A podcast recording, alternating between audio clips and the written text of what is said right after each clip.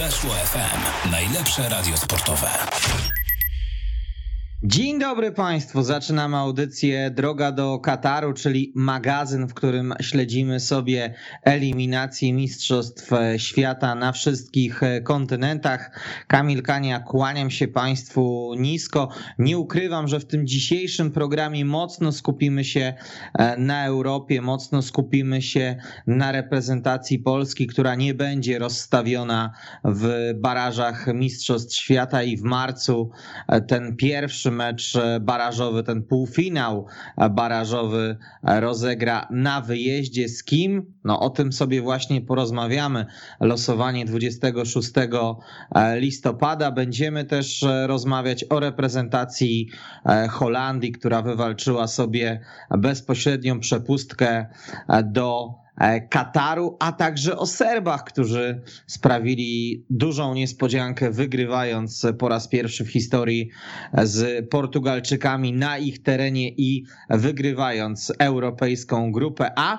E, jeżeli chodzi o ten listopadowy termin reprezentacyjny, to 10 drużyn narodowych zapewniło sobie występ w Katarze. Wiadomo, że e, bilety na, na listopad przyszłego roku bukować mogą Brazylijczycy, Francuzi, Belgowie, Chorwaci, Hiszpanie, Serbowie, Anglicy, Szwajcarzy, Holendrzy, a także Argentyńczycy. Zaczynamy sobie od przeglądu wydarzeń. Lądujemy w strefie e, CONMEBOL, bo dzisiejszej nocy naszego czasu odbył się południowoamerykański klasyk, zakończony bezbramkowym remisem. Sporo było walki w tym meczu, niewiele niestety e, piłki nożnej, a obie drużyny pozostają niepokonane w eliminacjach Mistrzostw Świata i jako się słowo rzekło, obie mogą już E, bukować także hotele w Katarze. Jeżeli chodzi o inne wyniki z dzisiejszej nocy z Ameryki Południowej, to bezbramkowy remis padł także w spotkaniu Kolumbii z Paragwajem. Drużyna paragwajska kończyła w dziesiątkę po czerwonej kartce dla e, Kubasa. Chile przegrało 0 do 2 z Ekwadorem. Tutaj e, myślę, że spory wpływ na wynik miała obejrzana już w 14 minucie meczu czerwona kartka Arturo Vidala, Pervis Estupinian, a także Moises Caicedo trafiali dla reprezentacji e, Ekwadoru. E, jeszcze wczoraj polskiego czasu rozegrano też mecze Boliwia, Urugwaj i Wenezuela, Peru. Boliwijczycy ograli reprezentację Urugwaju 3 do 0. O tym, że Boliwia potrafi zaskoczyć u siebie, to wszyscy doskonale wiemy, ale że potrafi rozgromić e, rywala o e, takim potencjale jak Urugwaj, różnicą trzech bramek, to już robi wrażenie, tym bardziej, że Boliwijczycy po e, czerwonej kartce dla Carmelo Algarana zakończyli ten mecz w dziesiątkę, a mogli wygrać wyżej, bo tam był jeszcze niewykorzystany rzut karny. Wenezuela przegrała natomiast 1 do 2 z Peru.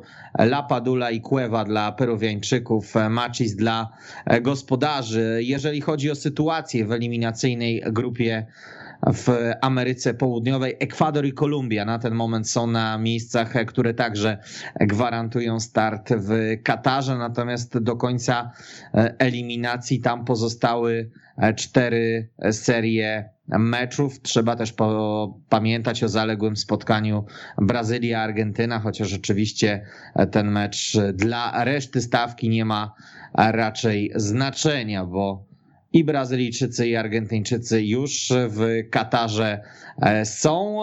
Ekwador ma 23 e, punkty, to jest e, o 6 więcej niż Peru, które znajduje się w strefie barażowej. Ta sytuacja Ekwadoru jest bardzo korzystna, ale wciąż nie są pewni mundialowej przepustki.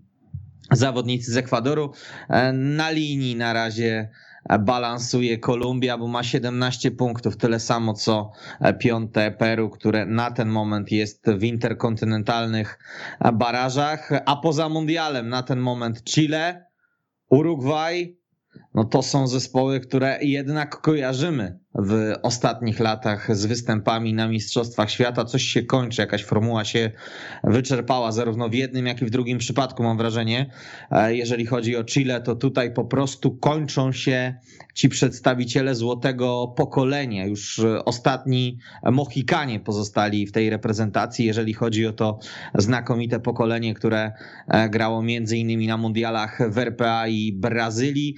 E, mam też wrażenie, że jeżeli chodzi o ekipę urugwajską, to z całym szacunkiem i moją niezwykłą sympatią wyczerpała się formuła z Oskarem Tabarezem jako E, trenerem. Boliwia wciąż może sprawić niespodziankę i przynajmniej do baraży się zakwalifikować, bo ma raptem dwa punkty mniej od e, Peru. E, Paragwaj i Wenezuela to są zespoły, które tabelę w Ameryce Południowej zamykają. Kolejne spotkania zaplanowano na styczeń. To jest dość oryginalny termin, bo jak wiemy, taka oficjalna przerwa reprezentacyjna czeka nas w marcu, ale z racji pandemii koronawirusa dwie kolejki mają w plecy piłkarze z Ameryki Południowej. Trzeba to gdzieś się wcisnąć i jest to zaplanowane odpowiednio na 27 stycznia i 1 E, lutego, a wśród e, spotkań w tych terminach między innymi e, mecze Kolumbia-Peru, no jeden z zespołów na razie już w stawce mundialowej, drugi na razie w barażach, ale to się wszystko może pozmieniać. Chile, Argentyna, Ekwador, Brazylia, Brazylia, Paragwaj, Argentyna, Kolumbia i Peru, Ekwador, tak więc e, będzie się działo na przestrzeni stycznia i lutego w Ameryce Południowej. Będziemy sobie to oczywiście e, sprawdzać. W strefie CONCACAF ciekawa sytuacja. Niepokonanym zespołem e, pozostaje reprezentacja Kanady. Podopieczni Johna Herdmana prowadzą w swojej grupie eliminacyjnej z 16 punktami. To podobnie jak w Ameryce Południowej jest grupa w której mamy już wszystkie zespoły walczące o przepustki. Są trzy e, miejsca gwarantowane i e, jedna jeden slot w tych interkontynentalnych barażach. Na ten moment za plecami Kanady z punktem straty Stany Zjednoczone, z dwoma oczkami straty Meksyk. Na miejscu czwartym Panama. To jest e, w tej chwili drużyna, która wystartuje w barażach, ale tam się jeszcze może troszeczkę pozmieniać się, jeżeli chodzi o e, Amerykę Północną i Środkową. Zaglądamy do Afryki. Algieria, Tunezja, Nigeria, Kamerun, Mali, Egipt, Ghana, Senegal, Maroko i Demokratyczna Republika Konga e, wygrały swoje grupy w drugiej rundzie eliminacyjnej na czarnym lądzie i zagrają w trzeciej rundzie e, kwalifikacji. E, te 10 zespołów zostanie podzielonych na 5 par. Zwycięzcy tych dwóch meczów zagrają na e, Mistrzostwach Świata w Katarze. Tu mała gwiazdka, mała uwaga.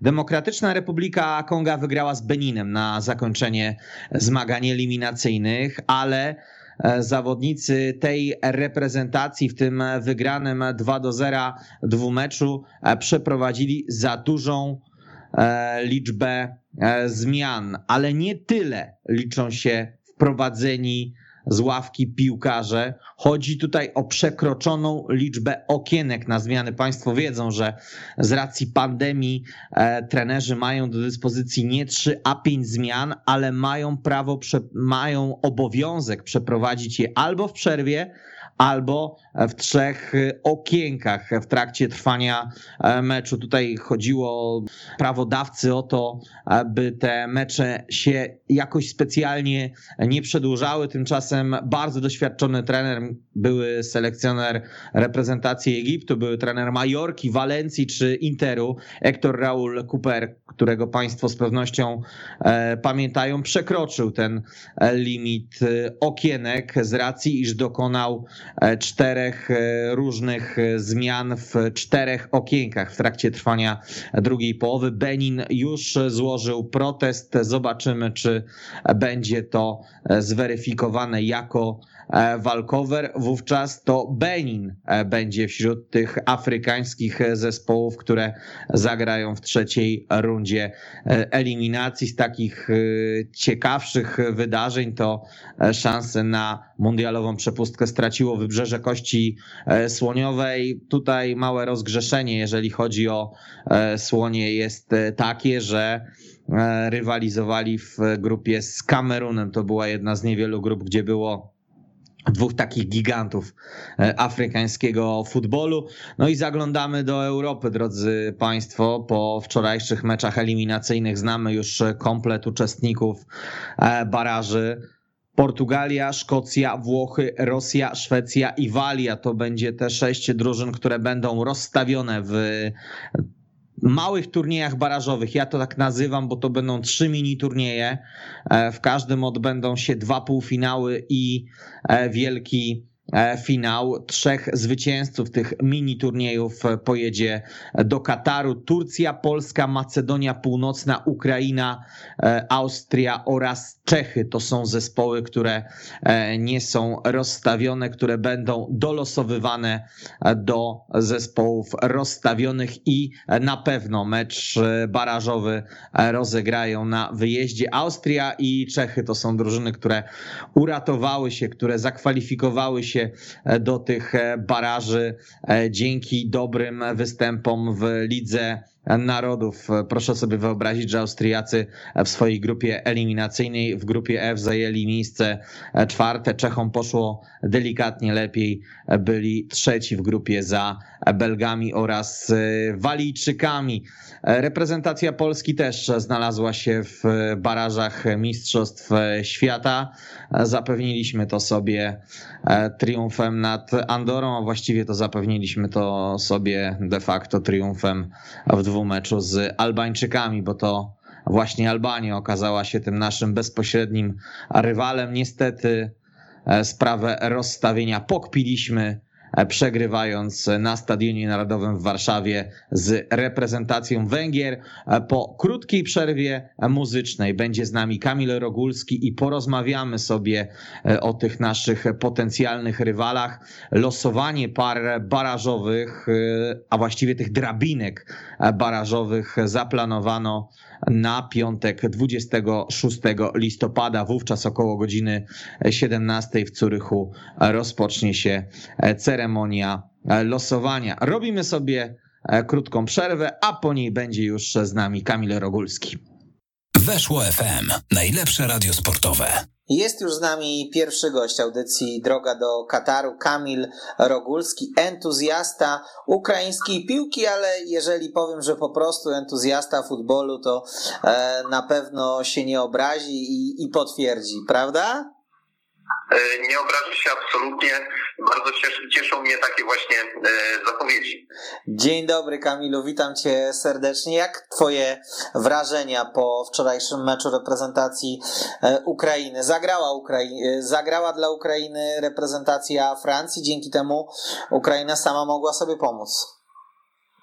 To prawda. Przede wszystkim Ukraińcy patrzyli na to, jak Francuzi podejdą do tego meczu e, z Chinami. Raz, że mecz e, wyjazdowy, a dwa, jak, jak wczoraj zobaczyłem sobie skład Francuzów, no to już widziałem, że mogą ten mecz potraktować poważnie. Nie, nie mówię, że, że jakoś by walczyli bardzo mocno wynik, ale po prostu skład był personalnie silny. No i cóż, Ukraińcy, pierwsza połowa była bardzo taka zachowawcza z ich strony i dopiero w drugiej połowie zrobiło się więcej miejsca i, i potrafili wbić pierwszą bramkę. I tak naprawdę widać, że Bośnie jest w strzępach i kiedy tylko stracili pierwszą bramkę, nam się zrobiło dużo miejsca. Tak naprawdę Dobbych mógł dobić jeszcze Bośnie na 0 do 3, więc ten wynik jest w pełni zasłużony e, i też podziękowania strony Ukrainy dla Francuzów, że, że nie odpuścili. Była szansa na polsko-ukraiński pojedynek w barażach, no ale myśmy tę szansę w poniedziałek zaprzepaścili. E, to prawda, e, to prawda, no już chyba wszystko o, o, o tej decyzji Sousa, o oszczędzeniu piłkarzy zostało powiedziane. Ja chciałbym tylko powiedzieć, że obserwując sobie przed przed e, tym meczem, jakby dyskusję jakąś taką publiczną. Myślę, że niewiele osób tak naprawdę rozumiało, jak te play-offy zostaną rozegrane, jakie są w ogóle zasady. I dopiero jakby odniosłem takie wrażenie, że już jak mleko się rozlało, to większość tych powiedzmy tych mainstreamowych ekspertów zrozumiało, że tak naprawdę został popełniony ogromny błąd. Tylko dziwię się, że akurat y, takie było podejście selekcjonera, ale to chyba tylko on wie, dlaczego tak zrobił. No właśnie, jeżeli chodzi o, o ekspertów, to, to ja bym się tak bardzo nie czepiał. Dużo większe mam jednak pretensje do e, portugalskiego trenera naszej reprezentacji. No i Portugalia to jest jeden z naszych potencjalnych e, rywali w barażach Mistrzostw Świata. E, sześć zespołów rozstawionych przed losowaniem baraży, które czeka nas w następny piątek. Portugalia, Szkocja, Włochy, Rosja, Szwecja oraz Walia. Chciałbym żebyśmy sobie e, przez tych e, przeciwników e, przelecieli po, po kolei. Moim rywalem marzeń w tych barażach jest reprezentacja Rosji. No cóż, też bym tak, też bym tak obstawiał, z racji, że jak oglądałem sobie choćby mecz z Chorwatami, bo to był taki mecz, który był takim momentem prawdy dla Rosjan. I tak naprawdę Chorwaci, mimo naprawdę trudnej nawierzchni, na własnym boisku no, pokazali dużo, dużo wyższą kulturę gry. Zawiodłem się na Rosjanach, bo oglądałem ich w meczach grupowych ze słabszymi rywalami, tam potrafili strzelać dużo goli, ale kiedy zetknęli się już naprawdę z Chorwatami, którzy indywidualnie mają lepszych piłkarzy, no to tam tak naprawdę Rosja grała na, na 0-0, co się zemściło po samobuju Kudryaszowa. Także mm, pamiętajmy oczywiście, że ten pierwszy mecz jest na wyjeździe, więc też trzeba E, trzeba rozpatrywać. Natomiast chyba wolałbym grać w Rosji niż na przykład na Hamry.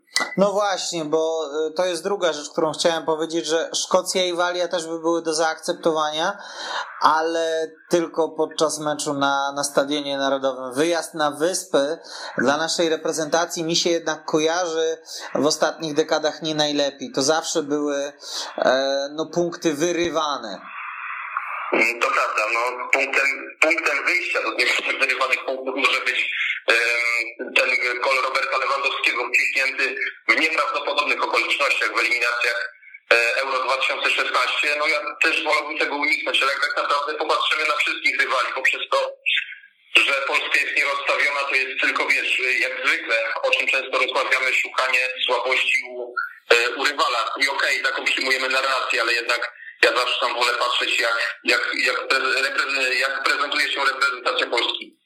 Ale reprezentacja Polski prezentuje się bardzo słabo. Mamy dramatyczne problemy z bronieniem stałych fragmentów gry, ze zdobywaniem bramek po stałych fragmentach gry z przeciwnikami silniejszymi niż Albania, Andora i San Marino. E, też mamy bardzo duże e, kłopoty, e, więc no, no szukamy gdzieś nadziei, Kamil, tak? To prawda, to prawda.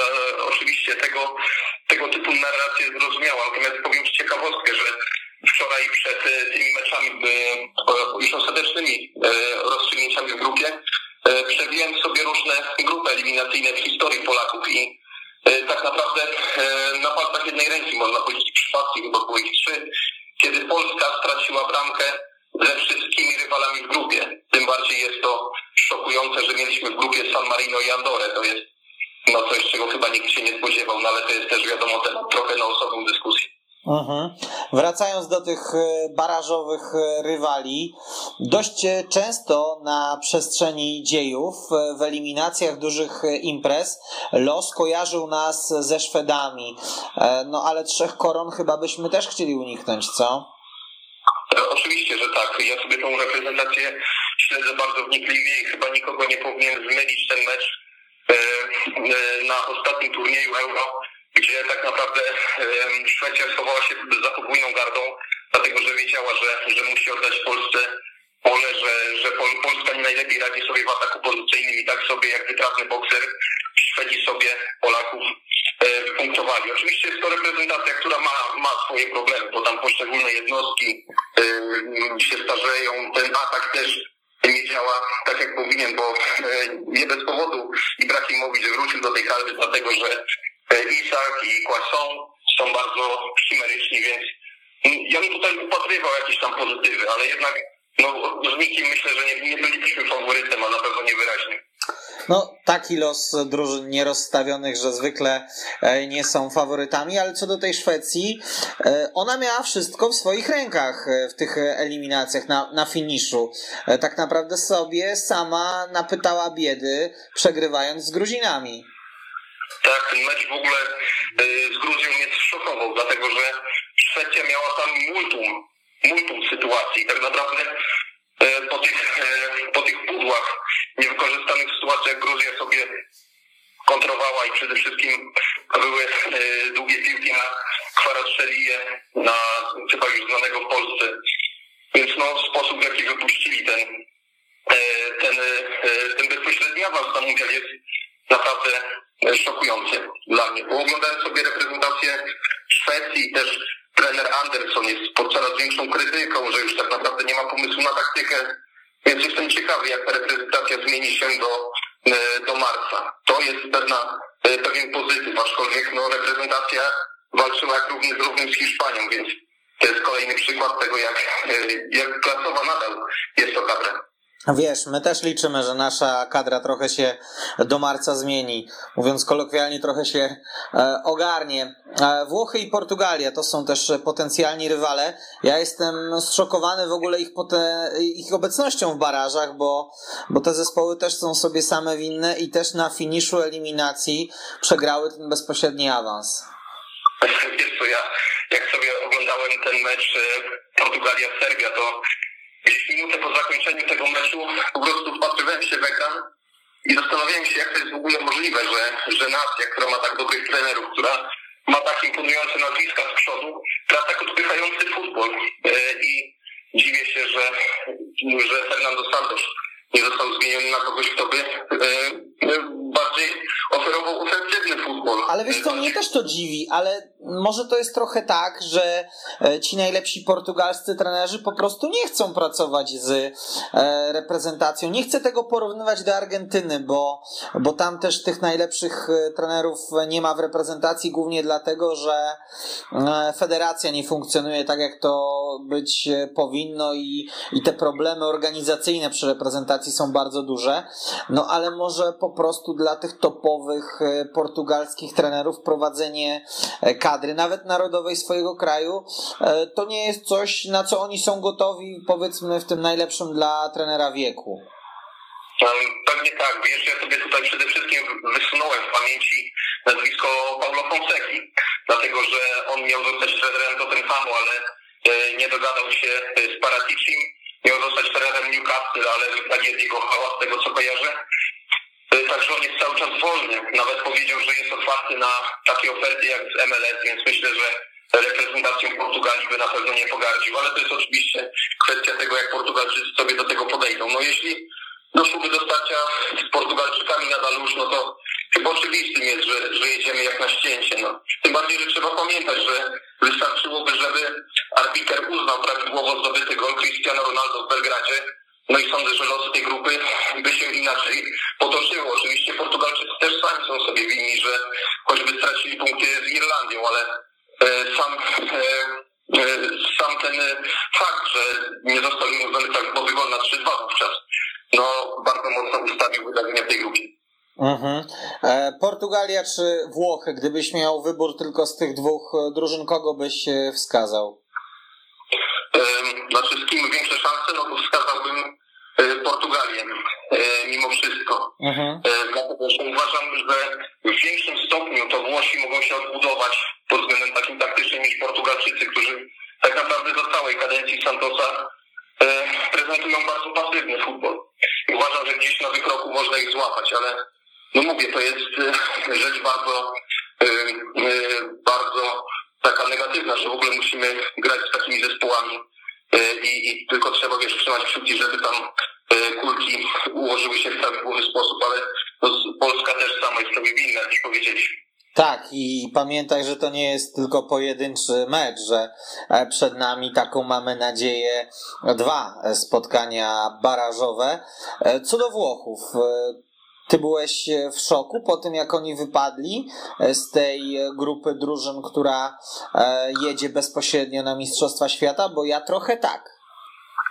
Oczywiście, oczywiście. Ja sobie w ogóle byłem w szoku do tego stopnia, że oglądałem sobie w nocy mecz z utworzenia i przede wszystkim dla mnie szokujące było to, jak Irlandia, jak Irlandia Północna potrafiła zagrozić Włochom, kiedy tak naprawdę spostrzegli się, że Włosi nie są zbyt dobrze dysponowani. I to jest ogromny szok, no pamiętając to porywające w naszym stopniu euro, znając potencjał Włochów w środku pola, znając ich potencjał ofensywny, no zacięło się coś tej reprezentacji, ale znowu pamiętając choćby jak wyglądały mecze za Jerzego Brzęczka, uważam, że abstrahując już od porównań Sousa Mnie jest prawdopodobne, że te mecze, że ten ewentualny mecz Polska-Włochy mógłby mieć podobny przebieg jak ten nieszczęsny na wyjeździe, który był chyba gwoździem do trumny poprzedniego selekcjonera.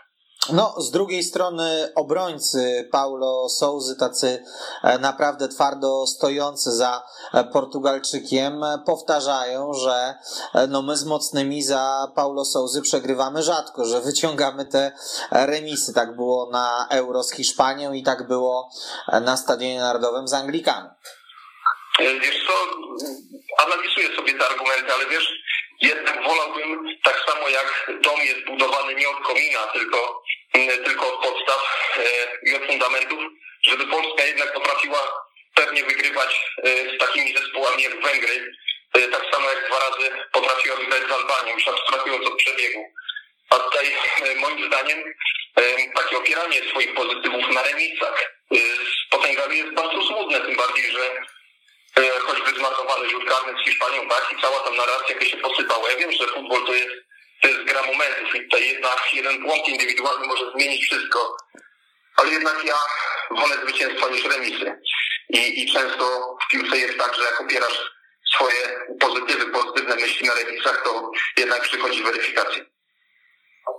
Przetoczyła się taka dyskusja, mam wrażenie, po, po Twitterze, po meczu Polska-Węgry, że e, być może potrzeba wstrząsu, być może potrzeba zmiany w polskiej bramce. Ty byś e, na miejscu selekcjonera e, zmienił bramkarza przed tymi meczami barażowymi, czy jednak ufał Wojtkowi Szczęsnemu? Bo no, z jednej strony może o ten mecz z Węgrami nie trzeba mieć do niego aż tak dużych pretensji, ale z drugiej strony my mówimy o bramkarzu Juventusu, e, czołowej drużyny klubowej Europy i chyba mamy prawo wymagać, by on czasami zrobił coś więcej niż przeciętny bramkarz. To prawda, wiesz co, ten wczorajszy mecz, e, przedwczorajszy, przepraszam, był e, takim idealnym podsumowaniem tego, jak wygląda kariera Szczęsnego w reprezentacji. To znaczy, właściwie nie można mieć do niego pretensji. No możesz powiedzieć, że Szczęsny zawinił, ale e, zawsze będzie się toczyła dyskusja, czy mógł zrobić więcej. Jeśli ta dyskusja powtarza się cyklicznie, no to naturalnie pojawiają się pytania. Ja bym zmienił Szczęsnego na innego bramkarza pod warunkiem, że byłby ten, który już zakończył karierę w reprezentacji, czyli Fabiański.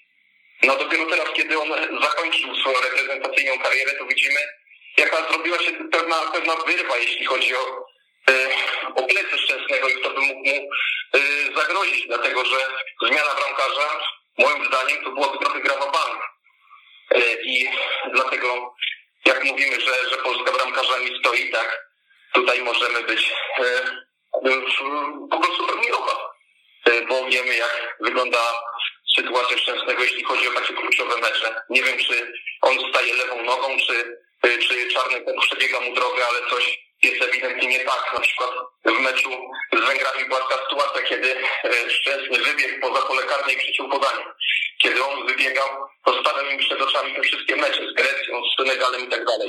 To jest też obawa nas kibiców. E, słuchaj, tak zmierzając do, do końca tej naszej rozmowy, tym rywalem marzeń e, rozumiem, jeżeli chodzi o półfinał barażowy Rosja, tak? Tak bym obstawiał. Nie wiem, czy akurat użyłbym takiego określenia, że, że rywal marzeń, ale chyba z tych wszystkich rywali e, proponowałbym Rosję, jeśli mówimy tu o jakiejś gradacji, prawda, poziomu trudności. Mhm. E, a gdybyśmy się tak mieli zabawić, bo losowanie 26 e, listopada, czyli w kolejny piątek w Curychu, co czujesz, że, że z kim nas los sparuje? Mm. Włochami, dlatego że to jest pewne prawo serii e, i myślę, że, że na pewno na pewno Włosi, ale to jest tylko jeden typ i taki, taki bardzo luźny. Ja prawem serii y, typuję, że bardzo często w eliminacjach spotykamy się ze Szwedami i e, tym razem będzie podobnie. Kamil Rogulski był e, moim gościem w programie Droga do Kataru. Dziękuję Ci, Kamil, bardzo serdecznie. Dziękuję również. Weszło FM. Najlepsze radio sportowe. Tyle Kamil Rogulski, a z nami z tego co słyszę jest już nasz kolejny gość, Mariusz Moński, ekspert futbolu z krajów Beneluxu. Dzień dobry. Dzień dobry.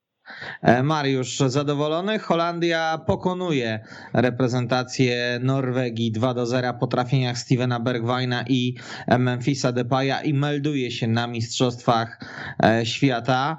E, oczywiście wszystko mieli w swoich rękach Oranie, ale aż do ostatniej kolejki eliminacyjnej tego awansu pewnie nie byli. No tak, no ale to też z własnej winy, no bo podpili tą sprawę w Czarnogórze, kiedy prowadzili 2 do 0 i dali sobie strzelić dwie bramki w końcowych fragmentach meczu. I też pokpili sprawę w meczu wyjazdowym z Norwegami, gdzie mieli ogromną przewagę i, i tam ten mecz spokojnie powinni wygrać, a, a niestety go tylko trenisowali. No ale koniec końców awans jest i to jest najważniejsze. Te wyjazdy to jest na razie taka jedyna pięta Achillesowa, jeżeli jakąkolwiek znajdziemy e, kadencji Luisa Van Hala, bo na własnym stadionie e, Holandia imponuje 4-0, 6-1, 6-0, 2-0. No naprawdę przy dopingu publiczności rodzimej Holendrzy e, radzą sobie pod starym, nowym trenerem bardzo dobrze. No Holandia ogólnie u siebie zawsze się prezentowała znakomicie.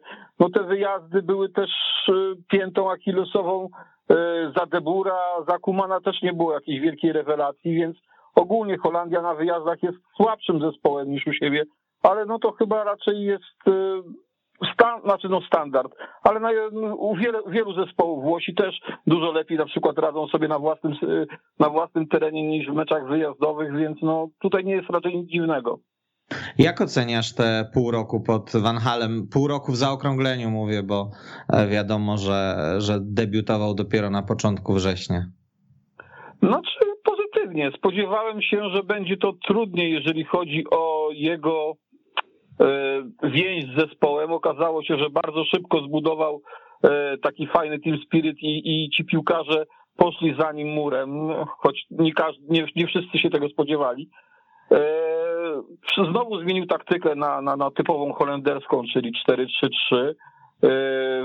Ustalił hierarchię, wiadomo kto będzie tak naprawdę dosyć łatwo ocenić no powiedzmy ośmiu piłkarzy, którzy wyjdą w pierwszym składzie. Ewentualnie mogą być zmiany, jeżeli chodzi o skrzydłowych bądź jednego środkowego pomocnika, a tak hierarchia jest ustalona i, i to zaczynało procentować, zaczynało to wyglądać coraz lepiej i myślę, że przez ten rok, jeżeli oczywiście zdrowie mu pozwoli, do Mistrzostw Świata powinno to wyglądać jeszcze lepiej. Imponuje mi bardzo postawa Memphisa Depaya w ostatnim czasie w reprezentacji Holandii, ale takie pytanie do ciebie, czy ta reprezentacja nie jest od Memphisa Depaya za bardzo uzależniona? No na pewno ciągnie tą reprezentację y, Depay tymi swoimi golami, ale trzeba też pamiętać, że on wykonuje tak naprawdę no, większość stałych fragmentów gry. I dużo tych, tych bramek strzela z rzutów karnych. Y, też y, ma chyba rekord, jeżeli chodzi o gole bezpośrednio z rzutów wolnych od czasu. Jeszcze mistrzostw świata w 74 roku. Chyba żaden holenderski zawodnik nie strzelił więcej goli bezpośrednio z rzutów wolnych w reprezentacji, więc no to, to też mu podnosi, podnosi te statystyki, a gdyby nie on, to inni by strzelali te karne, więc no z samej gry to jednak i inni zawodnicy, tak jak Wijnaldum, czy teraz właśnie Bergwijn, no jeżeli będą grali też inni skrzydłowi, to myślę, że aż tak Holandia od tego Depaja nie jest uzależniona. Tutaj tu bardziej chodzi o stałe fragmenty gry, które no on jest do wszystkiego pierwszy tak naprawdę, więc, więc to tutaj mu dużo to podnosi w reprezentacji. E, no ale no, trzeba, trzeba dodać, że jest skuteczny, no to, to trzeba docenić. Wczorajszy występ Stevena Bergwajna to taki jednorazowy wyskok, czy e, on stanie się jednym z liderów tej drużyny, Twoim zdaniem?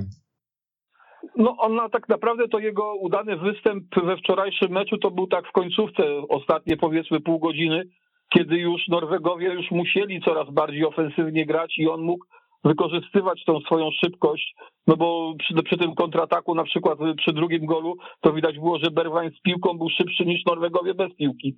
Yy, I to mógł wykorzystać te swoje atuty. A wielki problem Bergwajna jest wtedy, kiedy Holandia gra z drużynami głęboko cofniętymi. On wtedy nie ma jak pokazać tych swoich najlepszych atutów i, i do takiej gry nie bardzo się nadaje, więc no Bergwijn jest dobry, gdy, gdy Holandia gra z silnymi drużynami, może zagrać z kontrataku. Jeżeli, jeżeli gra ze słabszymi, no to już nie, niekoniecznie to, te jego atuty są pożyteczne. Mariusz Moński, ekspert futbolu w krajach Beneluxu, był moim Państwa gościem. Dziękuję Ci, Mariusz, serdecznie za to spotkanie. Dziękuję bardzo, do usłyszenia. Do usłyszenia, pozdrawiamy.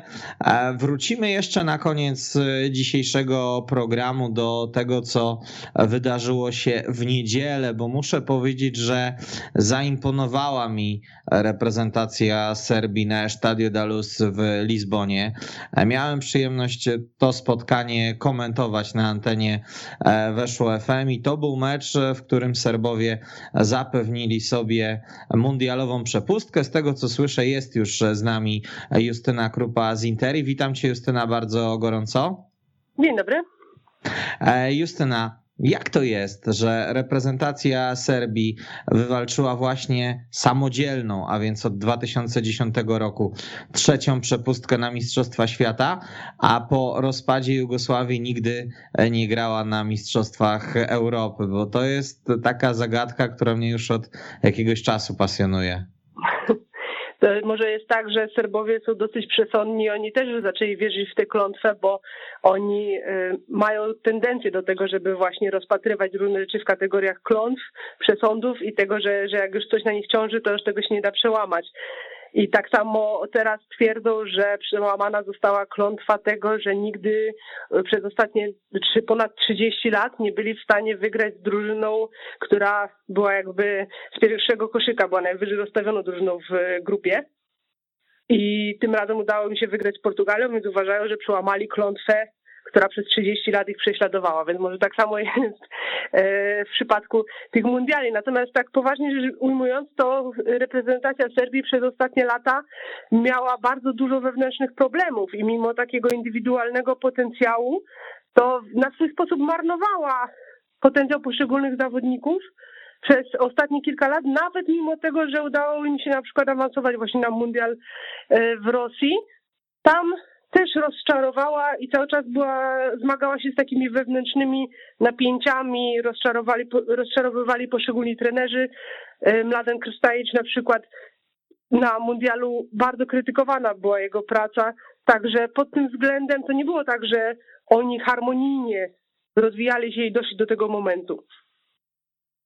Liubisza Tumbakowicz z kolei przegrał e, eliminację Euro 2020. E, chciałbym się zapytać o Dragana Stojkowicza, bo to jest bardzo nieoczywisty kandydat na e, trenera. Oczywiście to jest były wielokrotny reprezentant Jugosławii, ale jak sobie popatrzymy na doświadczenie trenerskie, to ono było zbierane wyłącznie w Azji. Najpierw Nagoya Grand Puseit, a następnie kariera w chińskim Guangzhou. No przyznasz, że nieoczywisty wybór. Oczywiście, natomiast y, tutaj zadecydowała też chęć postawienia na człowieka, który miałby za sobą tę aurę legendy, jeśli chodzi o karierę zawodniczą, bo taka właśnie aura otacza Stojkowicza i mam wrażenie, że to zadziałało, że on jest osobą, która jest uważana bardzo, za bardzo charyzmatyczną, posiadającą autorytet taki osobowościowy i dzięki temu, że takie właśnie ma cechy, był w stanie poskładać to, o czym mówiliśmy wcześniej, był w stanie poskładać drużynę yy, dręczoną trochę takimi wewnętrznymi tarciami i bardzo, bardzo yy, rozchwianą. To nie był zespół prawdziwy przed przyjściem Stojkowicza, on był w stanie poskładać przede wszystkim mentalnie. Tutaj mam wrażenie, że nie chodziło tylko o kwestie taktyczne, ale rzeczywiście stworzył z tego, z tej zbieraniny indywidualnych, często bardzo dobrych graczy grających w bardzo dobrych zachodnich klubach, tworzył prawdziwą drużynę i tutaj to był pod tym względem świetny wybór. Za Stojkowiczem przemawiała jego przeszłość w Fenyzweździe, a wiadomo, że tam w Związku Serbskim są wiecznie takie frakcje. Raz przemawia e, Tutaj na, na przedzie jest ta, ta frakcja związana z Partyzanem, raz ta ze Zvezdą. Tym razem przebiła się frakcja związana troszeczkę bardziej ze Zvezdą. Wiadomo, że prezydent Aleksander Vucic też ma sporo do powiedzenia, jeśli chodzi o serbski futbol, a on z kolei jest kojarzony właśnie ze Zvezdą bardziej niż z Partizanem i tutaj jego zdanie też mogłoby mieć pewne znaczenie, chociaż tego się prawdopodobnie nie dowiemy z takich oficjalnych przekazów. Mi się to bardzo kojarzy to są oczywiście nieporównywalne kariery piłkarskie, ale mi się to kojarzy z nieoczywistym, choć wiem, że nielubianym przez ciebie, e, selekcjonerem Chorwatów, którzy znaleźli sobie w 2017 roku trenera e, w Zjednoczonych Emiratach Arabskich. E, tak samo swojego rodaka z dalekiej Azji do współpracy zaprosili Serbowie.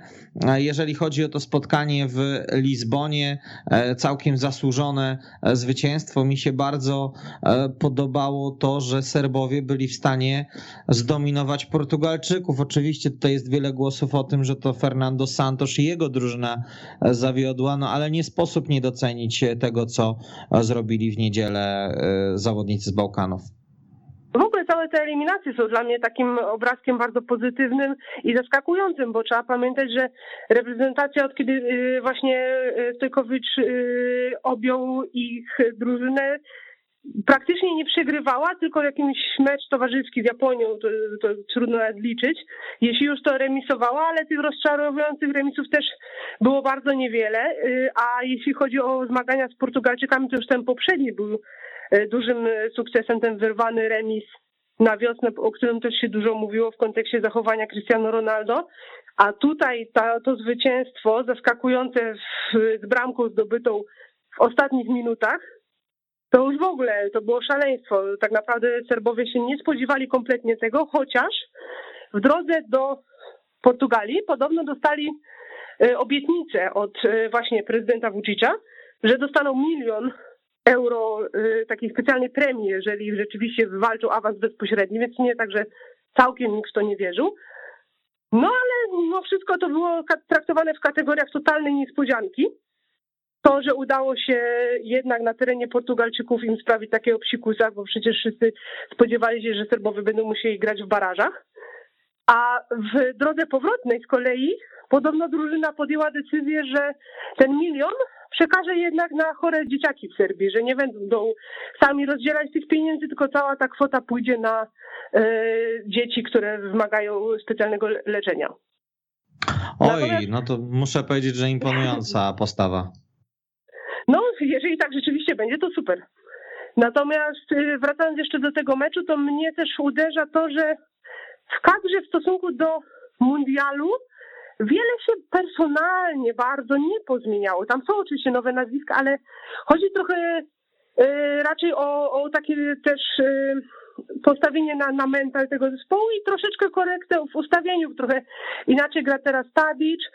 Y, on miał bardzo ważną rolę do odegrania w tym meczu w Lizbonie właśnie. Jego współpraca z Lachowiczem też dobrze wygląda w tej chwili. Wcześniej na mundialu w 2018 Serbia miała duże problemy z tą ofensywą. E, wszystko się opierało na Mitrowiczu, który no nie do końca uniósł te, ten ciężar wtedy, a teraz Mitrowicz jest na zasadzie takiego e, jokera, takiego rezerwowego już, który właśnie tylko wchodzi w momencie, w którym Tadic czy, czy czy ewentualnie Lukajowicz zaczynają mieć potrzebę odpoczynku. Ale tutaj pokazał, że jest zawodnikiem niezwykle ważnym dla tej kadry, bo strzelił tego gola w 90 minucie i okazało się, że ten stary, dobry Mitrowicz, mimo że już nie gra w takich klubach jak właśnie Tadic czy Wlechowicz, nie jest na, na takiej fali, jest w stanie dać nadal tej kadrze coś ekstra, bo to jest taki zawodnik typowo reprezentacyjny. Justyna, musimy kończyć. Czas naszego programu dobiega końca. Bardzo Ci dziękuję za to krótkie, aczkolwiek treściwe e, spotkanie. Justyna Krupa z Interi była z nami. Dziękuję bardzo. Pozdrawiamy bardzo serdecznie. Droga do Kataru trwa, przed nami jeszcze duże emocje, e, chociażby w marcu. Kamil Kania, kłaniam się Państwu nisko i dziękuję za wspólnie spędzony czas. Weszło FM, najlepsze radio sportowe.